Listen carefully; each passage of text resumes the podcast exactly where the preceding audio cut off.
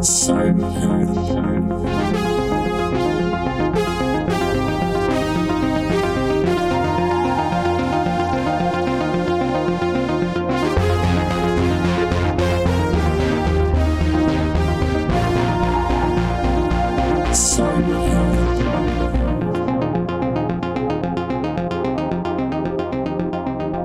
Welkom bij weer een nieuwe aflevering van Cyberhelden, de podcast waarin ik in gesprek ga met een gast die zich bezighoudt met de digitale dreiging. Mijn naam is Ronald Prins en deze keer ga ik in gesprek met Jaap van Tel. Hey Jaap, je bent al een tijdje uh, geleden gepensioneerd, maar wat je te vertellen hebt vind ik zo fascinerend dat ik heel blij ben dat we deze podcast kunnen opnemen. Uh, ik ben namelijk 24 jaar lang het hoofd geweest van de afdeling crypto-analyse van de militaire inlichtingendienst. En vanuit die rol heb je enorm belangrijke diplomatieke uh, en militaire berichten weten te kraken. Uh, en ik vind het ook nog wel zo netjes om even te vermelden dat we elkaar kennen vanuit de tijd dat ik nog bij het, uh, het NFI, toen het rechtelijk laboratorium werkte. Kun jij dat nog herinneren? Ja, dat weet ik nog wel. Ja, ja, ja. Lang geleden. Maar... Ja, en in, in, wat voor soort verband hadden we toen een samenwerking? Nou, het, belangrijkste wat ik me herinner is, dacht ik, in het kader van PITS. Dus de, de samenwerking tussen de, de opsporingsdiensten en de inlichtingendiensten. Maar... Ja. En uh, weet je ook nog de zaak waar we aan gewerkt hebben? Ja, dat had te maken met uh, de opvolging van de RARA. Ja. Er waren RARA-bestanden in beslag genomen. En toen uh, zijn de inlichtingendiensten, met name dus de het uh, wiskundig centrum is toen te hulp geroepen om te kijken of daar wat mee gedaan kon worden. Maar... Nou ja, er, er is uh, inderdaad, want ik, ik deed dat toen vanuit het NFI, uh, uh, behoorlijk nog wat aangekraakt toen. En, maar ik weet niet wat er allemaal van bekend is, dus laten we maar even verder liggen, dat stukje. Ja, okay. um, maar we gaan even terug naar het begin, naar de tijd dat, ehm, ja, dat jij eigenlijk bij Defensie ging werken. En hoe, hoe kwam dat zo? Ja, uh, in 1972 was ik uh, werkloos wiskundige. En uh, toen werd ik op een gegeven moment benaderd door, de, door de Defensie, het ministerie van Defensie, met de vraag of ik een functie wilde gaan vervullen.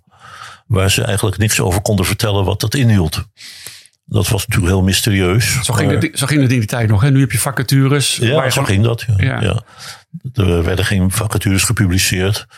Maar uh, nou ja, ik, omdat ik toch geen andere werk al had op dat moment, ben ik daarop ingegaan. En uiteindelijk bleek dat dus te gaan om een uh, functie als cryptoanalist bij het wiskundig centrum van de Koninklijke Marine.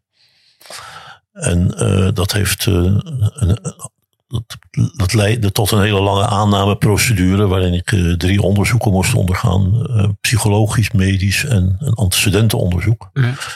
En uiteindelijk leidde dat ertoe dat ik in uh, augustus 1973 aangetreden ben. En toen ging ik dus werken op de marinekazerne in Amsterdam. En, en, wist je toen al iets van, van cryptografie? Nee, toen wist ik nog steeds niks. Ik wist toen nog steeds niet wat, het, wat de functie inhield. Oh, je moet eerst allerlei testen door, maar je hebt geen ja. idee waarvoor. Ja, precies. Ja. Ik kreeg uh, uiteindelijk pas toen ik in dienst getreden was te horen waar het om ging. En uh, omdat ik daarna een, ook nog een lang opleidingstraject in moest gaan, omdat ik, juist omdat ik natuurlijk niks van het vakgebied wist, mm -hmm. mocht ik in de eerste tijd wat freewheelen. En uh, wat, uh, wat mij aangeraden werd, was toen om het boek De Codebreakers van David Kahn te gaan lezen. Zodat ik daarmee een, uh, nou ja, een beetje een indruk kreeg over wat, wat het vakgebied inhield. Ja, en dat boeide me wel heel erg, want dat, was een, dat is op zich een heel interessant boek. Dus dat leidde ertoe dat ik in ieder geval duidelijk geen spijt kreeg van de, mijn keuze om aan, in dienst te komen. En, en, uh, en, en, je kwam daar, dat, uh, er werden, je werd er allemaal jonge mensen naar binnen gehaald op dat moment. Was het een heel snel groeiend vakgebied waar veel mensen aan de slag moesten? Nou nee, dat was het eigenlijk helemaal niet. Het was een uh, vakgebied waarin een aantal mensen tegen hun pensioen aan zaten en, waar, en daardoor vervangen moesten worden. Ah, oké. Okay. En wat ik later begrepen heb, is dat er een soort dwingende noodzaak was om het bestand aan medewerkers te uit te breiden met academici, met name wiskundig georiënteerden. Omdat uh, uh, een van de diensten waar samengewerkt werd, mee samengewerkt werd, uh, dat dan een soort, soort dwingende eis opgelegd had. Die zei, als, als jullie niet zorgen voor meer niveau, dan uh, stoppen we de samenwerking met jullie. Ah, dat, was, dat was in relatie met, met zusterdiensten, partnerdiensten ja, in het buitenland. Ja, ja ah. een buitenlandse dienst was dat die dat uh, dus, min of meer geëist had. Dus, dus jij moest uh, de, de borgen dat, er, dat de toekomst voor ja, Nederlandse ja, Ik was dus niet de enige. Maar er waren intussen al een paar mensen aangenomen. Maar ja, op dat moment was, de, was, was er nou niet zo heel veel, waren er niet zo heel veel wiskundigen beschikbaar. Dus. Was de sturing vanuit het buitenland sowieso groot op dit vakgebied eigenlijk? Werden wij nou, nee, een beetje hoor, gerund dat, door... Dat eigenlijk niet. Oh, maar, nee. Zo erg is het ook niet. Nee, maar, maar ja, men wilde wel uh, de, zorgen dat, dat er op niveau uh, gediscussieerd kon worden ja, met elkaar. Hey, dit, dit was uh, ergens dus halverwege de 70 jaren. Ja. En, en jullie ontcijferde berichten. Uh, wat voor soort berichten waren dat? Uh, de berichten die binnenkwamen waren eigenlijk vooral uh, diplomatieke communicaties. Dus dat zijn berichten tussen ministeries van Buitenlandse Zaken en hun eigen ambassades in het buitenland. Die konden opgevangen worden doordat dat per radiotelegrafie verstuurd werd over het, het HF-frequentiegebied. En dat werd dan opgevangen met antennes en dat was ook in de tijd dus dat er nog veel grote antennes op de daken stonden van ambassades. Hè? Ja, zeker. Ja, zie, zie ik nu alleen nog bij Rusland. Nou, niet per se alleen. Er, werd ook verkeer gestuurd via de, de, zeg maar, de PTT, zoals, zoals ook particulieren telegrammen verstuurden in die tijd. En uh, ook dat verkeer kon opgevangen worden. Ja. Er waren dan vaste frequenties voor, uh, die daarvoor voor bestemd waren. Dat heet uh, de openbaar verkeer, heet dat. En, en wat voor soort vercijferingen waren dat? Uh, ja, dat, dat was uh, cijfers die toen gangbaar waren. Dus dat zijn, uh, waren veel machines van de, de, wat, wat dan de Hagelin genoemd werd. En dus dat is het bedrijf van meneer Hagelin, Crypto AG. Ja. Die leverde heel veel systemen aan, aan allerlei landen. De B211? Uh, nou, weer de C52 oh, volgens mij. Die kwamen daarna allemaal. Ja. Ja, ja. Dat zijn prachtige machientjes voor verzamelaars. Maar die, die waren dus eigenlijk niet zo goed, die, eh, die Hagelin-doosjes.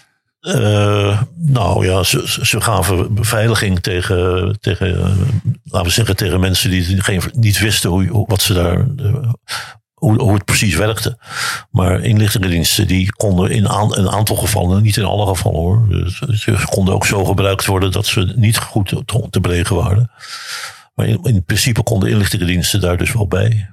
Ja, maar, moest je iets bijzonders weten van het machientje? Of was het gewoon echt uh, rekenkracht waarmee je het uh, kon ontcijferen? Uh, nou, je moest wel weten hoe de machine werkt. Dat is eigenlijk altijd het geval. Dat, dat helpt enorm als je weet hoe een machine in elkaar zit en hoe die werkt dan kun je op zoek naar de zwakke plekken ervan. Ja. En, en dat deden jullie ook, die, uh, dit soort apparatuur kopen op de markt en dan openmaken en dan kijken wat erin zat? Nou, dat deden we niet, nee, want daar hadden we geen budget voor. Maar budget was altijd een groot probleem bij Defensie. Oké, nee, ik vind het wel bijzonder en we komen er straks ook nog op, want uh, jullie hebben echt waanzinnig belangrijke berichten weten te ontcijferen. Um, maar uh, als ik nog een beetje geschiedenis lees, dat is een heel mooi artikel van uh, uh, onder andere Kees Wiebes. die, die beschrijft ja, deze wereld ook al nou, van, vanaf 47 tot de 90 jaren. En elke keer wat er terugkomt is dat er te weinig geld was voor het werk wat jullie deden. Terwijl, ja. waren jullie zo duur dan? Nou, in het begin niet. Het was eigenlijk vooral menskracht. Dus zeg maar arbeids, arbeidsloon wat wat dat de defensie kwijt was, de marine. Dat viel onder de marine toen alleen nog maar. Ja. Maar ja, later werden we wel duurder, want toen wilden we uh, supercomputers hebben, uitgebreide en satellietinterceptiesystemen en zo. Dat, dat kost allemaal handenvol geld. Maar. Ja, maar nog steeds op het, op het totale budget van heel Defensie is het helemaal niks, hè? Het is, het is eigenlijk, eigenlijk de peanuts, maar uh, ja, Defensie was, uh, vond dat ze dus toch al weinig, toch al erg krap zaten. En die wilden hier liever niet, uh, niet te veel geld aan besteden. Ja, en um, heeft er ook iets mee te maken dat niet helemaal in Den Haag goed, uh, dat ze daar niet goed door hadden hoeveel waarde nou eigenlijk had wat er, wat er uitkwam? Ja, dat, dat, is de, dat is natuurlijk niet helemaal zeker of ze, of ze dat door hadden. Maar de, het is natuurlijk een, een verkokerd toestand. Want uh, mensen die geld moesten geven, dat zijn natuurlijk andere mensen dan de mensen die uh, als afnemers van, de, van uh, het product van, van onze dienst optraden. Ja. En die, het kan best zijn dat die dus al niet met elkaar communiceren daarover. Ja. Ja, nou ja, of misschien speelt die discussie nog steeds eigenlijk wel, maar dat ga ik iemand anders wel een keer over interviewen. um, Uh, ja, jullie zaten in een uh, onopvallend gebouwtje op, uh, op Kattenburg. Ja. Ja, een marinebasis was dat, hè? Of nog steeds? Misschien ja, nou niet meer, denk ik. Nou, ja, het kan zijn dat er nog steeds wel iets zit van defensie. Maar, ja. En het gebouw staat, staat er voor zover ik weet nog steeds. Maar, ja, en, maar daar zaten, het staat leeg al, ja. Er, zaten heel veel verschillende ja, de, de, diensten vanuit uh, Defensie zaten daar op dat terrein, ja, ook in publieke ja. taken. Ja, ja, Hadden die mensen enig idee wat er gebeurde in dat ene gebouwtje? Nee, nee, dat was het enige wat ze wisten was dat het geheim was en dat ze er niet, niet naar mochten vragen. Oh, als ze, ze er naar vroegen kregen ze geen antwoord. Ja, oké. Okay. Maar er stond wel eens iemand aan de deur met uh, gewoon die. Ik zou heel nieuwsgierig zijn en ik zou dan eens aankloppen. Nee, dat, dat kwam voor zover ik weet niet. Bovendien, het gebouw werd bewaakt natuurlijk. Het was een verboden plaats. Oh, ja. ja. En dat werd dus bewaakt door het marinebewakingskorps. Er zat altijd een, eh, een, een bewaker eh, aan de, bij de deur. Ja, oké. Okay. Um, ehm, uiteindelijk blijkt dus dat jullie best wel succesvol waren. En uh, in het kraken, en, en, als je in de geschiedenis leest, um, heeft Nederland al wat langere historie mee. Staat ook al in de codebreakers, wat je net noemde, van ja, Kaan. Ja. Daar wordt Nederland ook wel expliciet in genoemd. Uh, hoe kwam het dat wij eigenlijk zo goed zijn hierin? Ja, ik denk dat we gewoon geluk gehad hebben met de keuze van de mensen die we, die we aangenomen hebben later. En er komt bij bovendien dat we natuurlijk een zekere uh, uh, ja, machtspositie, wil ik het niet echt noemen, maar toch een, een, een zekere mate van machtspositie hadden. Doordat er een nationale cryptografische industrie bestond. En dat betekent dat de producten van die industrie gebruikt konden worden als ruilmiddel voor informatie met met andere, uh, met andere diensten voor informatie over andere cryptografische systemen. En die, ik, ik, zei net al, de informatie van een cryptografisch systeem is belangrijk om de zwakke plekken te kunnen ontdekken. En dat hielp dus. Ja, dus, dus omdat wat wij produceerden in Nederland, wij vertelden dan over de, de, de inner workings, de algoritmes eventueel die erin zaten. Ja. En die gaven dan aan ons. Die waren gebruik, werden gebruikt als ruilmiddel met ja. andere diensten om uh, van hun ook dat soort informatie los te krijgen. Ja, en andere diensten, dat is eh, Amerika gewoon, denk ik. Nou, ook. Ja, er zijn allerlei landen die dat. Ja. Die, het hangt er vanaf welk, eh, in welk land een, een, een fabrikant gevestigd is, natuurlijk. Ja. Nou ja, we hebben. Uh, Maximator is uh, recent in het nieuws voorbij gekomen. Gaan we niet over hebben, geloof ik, hè? Nee, dat, dat, dat beter is om dat niet te doen. Maar, okay. dus, maar, maar goed, landen werken met elkaar samen, helpen elkaar. En, uh, en, en omdat wij een industrie hadden, konden we ook goed verbinden met andere landen, zodat wij ook weer wat dingen terugkregen, waardoor wij ook weer dingen ja, zo werkt dat in die wereld. Ja. ja. Um, de, ietsje verderop kwam er ook uh, wat satellietschotels in, uh, in Zoutkamp. Ja. Zitten we in de tachtig jaren, denk ik nu? Ja, zo ongeveer. Ja, ja, ja. en kwamen er andere soort berichten overheen? nou, niet echt eigenlijk. Ja, er, er kwamen wel veel meer berichten, maar maar het, het verkeer dat uh, dus uh, in de jaren zeventig nog via radiogolven verstuurd werd, dat uh, verschoof geleidelijk aan steeds verder naar de satellietverbindingen. Ja. Om, met name omdat die goedkoper waren. dus het was gewoon een kwestie van prijs. Ja. Als, je, als je via de, de satellietverbinding van de, van de PTT's vrij goedkoop kunt communiceren, dan is dat veel voordeliger dan wanneer je een eigen hoogfrequent radionet moet uh, aanhouden. Ja. Met allemaal uh, zenders en ontvangers en, en uh, apart personeel dat daar bekwaam voor is. En zo. Ja, en, um, maar wat ik me wel afvroeg is, waarom hadden jullie eigenlijk eigen schotels? Want nou ja, een paar honderd meter verder staan de schotels van toen nog de PTT. En die vingen ook alles al op. En daar ging het verkeer eigenlijk allemaal langs. Ja, nou ja, goed. Je, je kunt niet zomaar de, de PTT vragen om, uh, om uh, uh, verkeer door te geven. Dat is volgens mij is dat juridisch niet, niet houdbaar. Mm. Nee, de, de, jaren ervoor, al die telegrammen, die kreeg je wel gewoon van de PTT. Ja, ja, nou ja, het is zo dat zeker vanaf de Tweede Wereldoorlog ging, gold eigenlijk als, als regel dat uh, de ether is vrij. Ja. En dat betekent dus dat iedereen uh, gerechtigd zou zijn om radioverkeer van wie dan ook op te vangen en daarnaar te kijken. Maar ja, die, dat, dat, dat gold voor satellietverbindingen al veel minder omdat het wat meer, meer gerichte ja, veel meer op, op, op, op telefonieverkeer leek. Ja. En, en er zat ook trouwens ook telefonieverkeer op natuurlijk. Op ja. satellietverbindingen. Ja. Nou ja, uiteindelijk is dat ook... Kijk, als je nu kijkt ook naar privacy discussies. Hè, nu de, wat we dan de nieuwe WIF, wat we, mensen dan de sleepwet noemen. Um, wat zich richt op, op het internet. En dat is zeg maar de, de fase waar we nu in zitten. Waar we ook van allerlei consumenten allicht eh, berichten voorbij komen. Maar in jouw tijd was het in principe vooral nog diplomatiek verkeer. Misschien wat militair verkeer. Ja, ja maar ook, nog wel wat economisch verkeer. Want met name op de satellietverbindingen heb je dus... Uh, daar, daar, daar, zit van alles en nog wat door elkaar heen. Ja. Dus er is ook veel uh, gewoon klare taalverkeer. Wat dus gewoon leesbaar is. En dat, dat moet er dus moest, moest er uitgefilterd worden. Want in feite waren we alleen geïnteresseerd in het vercijferde verkeer. Ja. Maar als er interessante informatie in dat klare taalverkeer aanwezig was, dan uh, konden we dat daar ook gebruiken. En dat werd ook gebruikt soms. En daar had je ook zoekwoordjes voor om uh, ja, even in te kunnen kijken. Ja. Een, een, mooi voorbeeld daarvan is uh, dat op een gegeven moment we de satellietverbinding onderschepten waar verkeer tussen Italië en Irak uh, overheen ging. En dat is uiteindelijk, uh, dat verkeer heeft er uiteindelijk toe geleid dat uh, er door Israël de in aanbouw zijn de kerncentrale in Irak gebombardeerd is. Zo dan. En um, jullie konden uit dat verkeer afleiden dat er ergens een kerncentrale gebouwd werd toen? Nou, wij niet, maar Israël wel. Ja, ja, ja. Er werden dus berichten doorgestuurd van firma's die uh, bepaalde, uh, bepaalde materialen leverden, die dus erop duiden dat er dus een kerncentrale in aanbouw was. Ja, ja. En uh, ja, daar houdt Israël niet van, van nucleair materiaal in zijn omgeving. Toen, ja. toen ook al niet. Nee, toen ook al niet. Nee, nee.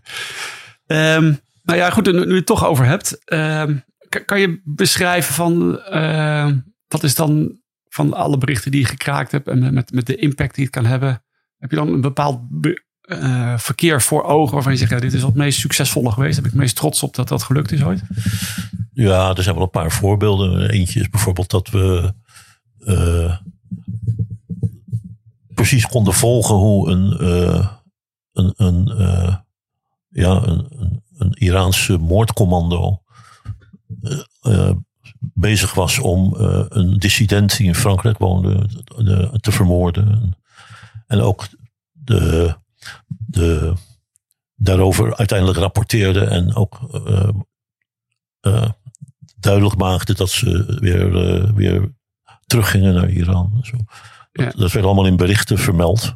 En die berichten die konden ontcijferd worden. En dan kon dus eigenlijk precies volgen wat er gebeurde. Dat was, dat was wel redelijk sensationeel. En, en hoe, hoe, is dat dan? Want dan uh, zitten jullie daar op, uh, op Kattenburg. Die berichten komen voorbij. Uh, mensen lezen dat, vertalers. Ja. Springt er iemand in paniek helemaal op van dit moet onmiddellijk naar... Nou, het, het, je, je, leest het achteraf. Hè? Dat is natuurlijk het, het, jammer. Ik bedoel, het was al gebeurd. Maar er kon wel precies gevolgd worden van wat er allemaal gebeurd was. Oh. er zit natuurlijk altijd een verzekerde vertraging in, in uh, het, het verwerken van die berichten. Want je, ja, je, eerst moeten, ze, worden verstuurd, dan moet je ze ontvangen, opvangen. Dan moeten ze van het punt waar ze opgevangen worden naar de plaats waar het, waar het uh, verder afgehandeld wordt. Dan moest het ontcijferd worden. Dat was in dit geval toch een redelijk tijdrovende uh, activiteit. Het was een, wat, wat dan heet een handsysteem. Dat betekent dat, dat er dus een iemand met verstand van de taal, dus dat is uh, Farsi in dit geval, uh, zich bezig moet houden met, hoe, uh, met hoe het bericht precies ontcijferd kan worden. En pas daarna blijkt dus wat uit de inhoud, wat er, wat er aan de hand is. Ja. En dan wordt, het, wordt dus de, de, moet de vertaler het nog vertalen. En dan, dan is pas in het, in, in het Nederlands te zien wat er aan de hand is. Ja. Dus er zit, er zit altijd vertraging in en dat soort processen. maar, maar hoe waren die berichten voor jullie? Hoe, hoe, eh, hoe gingen jullie ermee om? Was dat gewoon, nou, gewoon weer een bericht en dat werd dan doorgestuurd naar buitenlandse zaken of naar eh, algemene zaken? Of hadden jullie ook echt wel door, oh dit is echt heel belangrijk, we moeten nu courier bellen, moet gelijk weggebracht worden? Ja, soms gebeurde dat. Ja. Ja. Dat, eh, een ander voorbeeld waar we, wat, we, wat wel aardig was, was tijd, dat tijdens de, de Golfoorlog. Waar de satellietverbindingen gestoord geraakt met eh, Irak. Ja. En eh, toen was er dus nog één ambassade in, in Irak die, eh, die eh, geïnformeerd. Ja, dus ze werden allemaal geïnformeerd, maar er was er één die dus nog met hoogfrequent eh, radioverkeer communiceerde. En die eh, rapporteerde dus aan zijn hoofdkwartier in, eh, in, nou, in Tunis was dat, het ging om Tunesië. Ja. Dat, eh, wat er aan de hand was allemaal. En dat konden we ook opvangen en ontcijferen. Waardoor we dus ook eh, daarover geïnformeerd waren. Ja, en, en wat, was, wat stond er dan precies in die berichten toen? Ja, dat punt is dat als je als crypto-analyst werkt, dan interesseer je je eigenlijk niet echt voor wat, wat wat er in de berichten staat. Nee. En bovendien, het zijn zoveel berichten. Je Ja, kunt ja. het niet allemaal volgen. Nee. Het is gewoon te veel. Hè? Zijn er nog veel dingen die je eigenlijk nou, die, die je wel heel boeiend vindt, maar die je eigenlijk niet kan delen omdat ze nu nog steeds geheim moeten zijn? Ja, die zijn er ook wel. Ja. Ja, en, en kan je iets vertellen over, over de sfeer dan? Is dat omdat dat misschien nu nog steeds kan? Dat er nog steeds bepaalde verkeer te onderscheppen valt of te lezen valt? Eh, nou, dat, wat, wat, hoe dat nu is, dat kan, daar kan ik weinig over zeggen. Ik ben natuurlijk al eh, zes- 16 jaar weg. Ja, 17 jaar inmiddels bijna. Dus eh, hoe het nu is, weet ik niet. Maar eh, nou ja, toen. Ben even de vra- vraag kwijt. Oh, eh, nou ja, of, er, of de, de geheimen, die, die dingen die je nu voor je moet houden. Zijn, zijn dat Ja. dingen die misschien nu nog steeds relevant zijn? Of is het iets waar we ons voor zouden moeten schamen of zo? Of, Oh nee, schamen zeker niet. Nee. Nee. Nee. het zijn meer dingen waar, je trots, waar we trots op kunnen zijn. denk ik. ja. Maar als het bekend zou raken, wat zou dan de, de negatieve impact ervan zijn? Eh, ja, dat heb ik me ook wel eens afgevraagd. Ja, maar anderen zeggen tegen jou, altijd. Jaap, daar mag je niet over hebben. Niet altijd duidelijk wat, wat, eh, wat nou precies de schade zou zijn. Ja. Maar eh, ja, het is natuurlijk wel zo dat als, als iets geheim verklaard is, dan blijft het geheim totdat het gedeclassificeerd wordt. Ja, en mensen zien er ook vaak niet eh, de relevantie voor in, hè? waarom dat zou nee, moeten of niet. Nee, nee, nee. Ik moet Het is wel lastig. Maar in ieder geval een ander ding waar, we ook wel, waar ik ook wel trots op ben, dat is dat we op een gegeven moment in eigen beheer een, eh, een, een hardware oplosapparaat ontwikkeld hebben. En daarvoor was het nodig om in die tijd een chip te laten maken. En dat, Ja. is dus ook, eh, dat hebben we dus ook voor elkaar gekregen. En, eh, en, wa- en wat, die kon iets oplossen, een bepaald algoritme kraken door gewoon te brute forcen? Heel veel. Nee, het was geen brute force. Maar, nee, want het, het, het, het was een, nou ja, een slimme methode, maar dat vereiste wel zoveel rekenkracht dat dat op dat moment met de computercapaciteit van toen niet haalbaar was. Oh ja. Vandaar dat er dus een, een hardware oplossing gemaakt is. Ja. En eh, nou, die was eh, En die was succesvol. wel succesvol. Ja. Ja. En, want hoe ging het sowieso met computers bij jullie? Wat, wat, wat, eh, Ja, ik, ik weet van het wiskundig centrum, daar is ooit de Zebra begonnen. Ja, ja. je die ook nog dat is nog van voor mijn tijd. Ja, Maar de, die hebben ze inderdaad gehad. Het, maar eh, wat ik als eerste meegemaakt heb is de, de Bull Gamma M40. Dat was een 24-bits computer. is dat Frans? Ja, dat was Frans. Ja, Ja. Vertrouw je dat wel dan? Zo'n Franse computer? Ja, computers. Computers doen al in rekenwerk. Als die, ja, maar goed, als die maar niet verbonden is. Ja, dat was in die tijd natuurlijk Nee, niet die zo. tijd eh. was, was, er was helemaal nog geen internet. Nee, of zo. nee, nee. Het was in de jaren 70. Maar bovendien werd hij, toen ik in dienst trad, werd hij net zo'n beetje uitgefaseerd. Ik, eh, ik zei al, ik moest in, in opleiding. Dat duurde negen maanden. Dus, Ja. eh, pas in 74, 1974 kon ik echt aan het werk. En dat was net het moment waarop die Gamma M40 vervangen werd door een Amerikaans eh, systeem. Een, een Digital Equipment PDP 1145. Een PDP-11? Ja. Jeetje. PDP 1145. Ja. Nou, daar heb ik Oh. nog jaren met PDP's gewerkt. Maar ook niet echt een...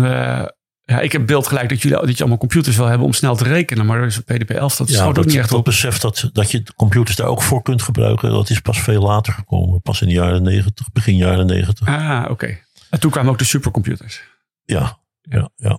Ja, toen kwam er ook eindelijk geld vrij voor, daarvoor. Omdat dat, eh, Ja. Hadden, hadden jullie dan ook de grootste computer van Nederland staan? Of de snelste?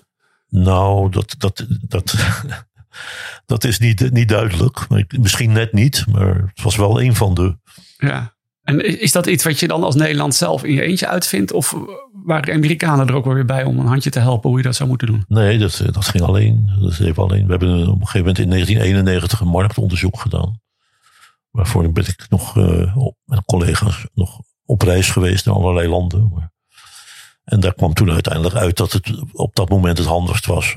En het voordeligste ook om een, eh, een farm te kopen van eh werkstations. Oh, ja, ja. Sun. Ja, van Sun. Ja, ja. Spark. Ja, ik herken het nog. Ja. Ehm, ik ga toch nog even vragen. Hebben wij nou echt België afgeluisterd? ik lees dat wel eens. Ja, ik kan daar geloof ik eigenlijk niet, niet, eh, niet iets over zeggen. Nee? Nou, st- stel nou dat dat zou kunnen. Kan je je dan voorstellen? Ik, ik kan me ook niet, want België is ja, eh, net zo ontwikkeld als wij. Eh, die gebruiken dan toch ook gewoon eh, goede spullen? Ja, als dat zo is, dan kun je ze dus niet afluisteren. Nee. Maar eh, het- was wel zo dat we, wat dat betreft, wat het afluisteren van landen betreft, op dat moment geen, eh, geen beperkingen hadden. Dus als België systemen zou gebruiken die oplosbaar waren, dan losten we dat ook op. En dat geldt ook voor andere Europese landen en EU-partners en zo. Ja. Is, is dat later veranderd nog of zo? Dat we dan bepaalde landen niet meer gingen doen? Nou, dat weet ik eigenlijk niet. Zolang ik eh, daar gewerkt heb, is het, was het, vol- gold volgens mij wat ik net vertelde. Dus Ja. dat als het oplosbaar was, dan kon het opgelost worden. ja. En, eh, en dan kan zelfs een bericht uit België kan relevant zijn voor uh, Ja, Nederlands dat, politiek. dat zou kunnen. Ja, Ja. ja. Ja, ja. Ieder land heeft zijn eigen specifieke kennisgebieden en zo. Er zijn natuurlijk altijd landen waar, waar landen speciale relaties mee hebben. En waardoor ze meer informatie daarover hebben dan, eh, dan Ja. andere landen. Of- Wij zouden bijvoorbeeld over Suriname extra informatie kunnen hebben Ja. als we, Die hadden we ook. Ja. als we nou ja. Dat, dat zouden we kunnen hebben. En misschien, ja, naar Indonesië misschien tegenwoordig niet meer zo. Nee. Maar dat is wel een tijd geweest natuurlijk. Dat we daar ook extra informatie hadden. En, zo. en dat zou voor andere landen eh, nuttig kunnen zijn als ze. Ja. Z- Zijn wij er ooit op aangesproken door andere landen? Van hoe kan het nou dat jullie eh, dit weten of zo? Nee, Dat niet het vervelend is geworden? Nee, Nee. Wat we wel eh, meegemaakt hebben is dat we in berichtenverkeer eh, tegenkwamen dat een Nederlandse ambassadeur een eh, collega van een ander land gewaarschuwd heeft dat zijn, de berichten van zijn land op- niet, niet veilig waren. Oh, lekker handig. Dat vonden we dus niet zo geslaagd. Nee. Dus die, die kreeg berichten van jou, van, die jou ontcijferd had van ja, via de afnemers op buitenlandse zaken. Ja. En die, die kwam er dus achter dat, dat er berichten van dat land, dat andere land ontcijferd konden worden. En toen is hij dus eh, dat land gaan waarschuwen. ja. Wel, gentlemen don't read each other's mail, hè? Ja, ja de beroemde quote. ja. Ja. Alleen hij schijnt niet authentiek te zijn. Oh, oké. ja. Nou ja, goed, dat gebeurt dus blijkbaar wel. En, eh, ja, ja, dus die man vond het dan blijkbaar ook de relatie met, zijn, eh, met het andere land belangrijker dan eh, dat hij informatie ja, wist. Ja, ja, ja. ja. Hey, heel klein zijtakje nog. Ehm dat gaat over Hans van de Ven. Iemand, Oh ja, ja. iemand die wij ook alle twee kennen. Ja, die ken ik goed. Ja, En die werkte bij bureau Signaalanalyse. ja, ja. Ja. Ja, hij was de, de signaalanalyse-expert in, in de tijd dat hij bij ons werkte. En eh, nou ja, Hans is overleden eh, begin Ja. vorig jaar. Er wordt nu een, eh, ja, ja, podcast Ik wist over. het niet, maar ik heb het pas gelezen. Ja, er er wordt een podcast over gemaakt. En ehm, nou ja, er, er, hij werkte dus ook bij de, de MID, wist veel geheimen. Eh, de, de, in de podcast komt de suggestie voor dat hij degene is die de verhalen rondom Maximator gelekt heeft. Hè, over een samenwerkingsverband van een aantal landen. Ja, ja. En, ehm, maar er wordt dan ook gedacht, en, en, en, en eh, vindt onderzoek plaats nu ook weer door het OM naar zijn overlijden, dat hij misschien wel geliquideerd zou kunnen zijn omdat hij dingen wist of omdat eh, hij misschien gelekt zou hebben. Is dat een, eh, een beeld wat je herkent wat, uh, wat de inlichting niet zou doen? Nee, to totaal niet. Nee, dat is grote flauwekul. uitermate onwaarschijnlijk. Ja, oké. nou, dan uh, hoop ik dat dat ook uit de wereld inlichtingendiensten niet, volgens mij. Nee, die proberen zo stil mogelijk te zijn. Behalve in Engeland, daar uh, mogen ze wel mensen ja, maken. Maar ja, goed, gaat het over de Nederlandse... Nee, zeker. hey, en elk jaar publiceert de, de AIVD met kerst een hele complexe puzzel. Ja. Maak jij die wel eens? Ik heb hem een keer gemaakt. Ja. ja. ja. Zat ik bij de beste 10% van de Beste 10%, oké. Doet, de dienst, doet de dienst dit, denk, je, denk jij, om opvolgers van jou te vinden? Ja, ik denk dat ze, dat ze wel soort, zulke soort mensen zoeken. Ja. En dat die eh, daar ook wel mee naar boven komen. Ik heb ook gezien dat ze nu een speciale versie hebben voor de jongelingen. Ja. Die dan waarschijnlijk niet zo moeilijk zijn. Maar... Nou, zelfs die zijn pittig voor heel veel mensen. Hoor. Ja, ja. ja. ja maar ik heb eigenlijk te weinig tijd om er echt uh, ieder jaar naar te kijken. Ja. Ik download hem wel iedere keer. Maar, maar daar blijft het meestal bij. Oké okay, Jaap, dankjewel. Jaap van Tel, voor mij ben je de digitale variant van 007. Heel veel dank voor dit openhartige gesprek.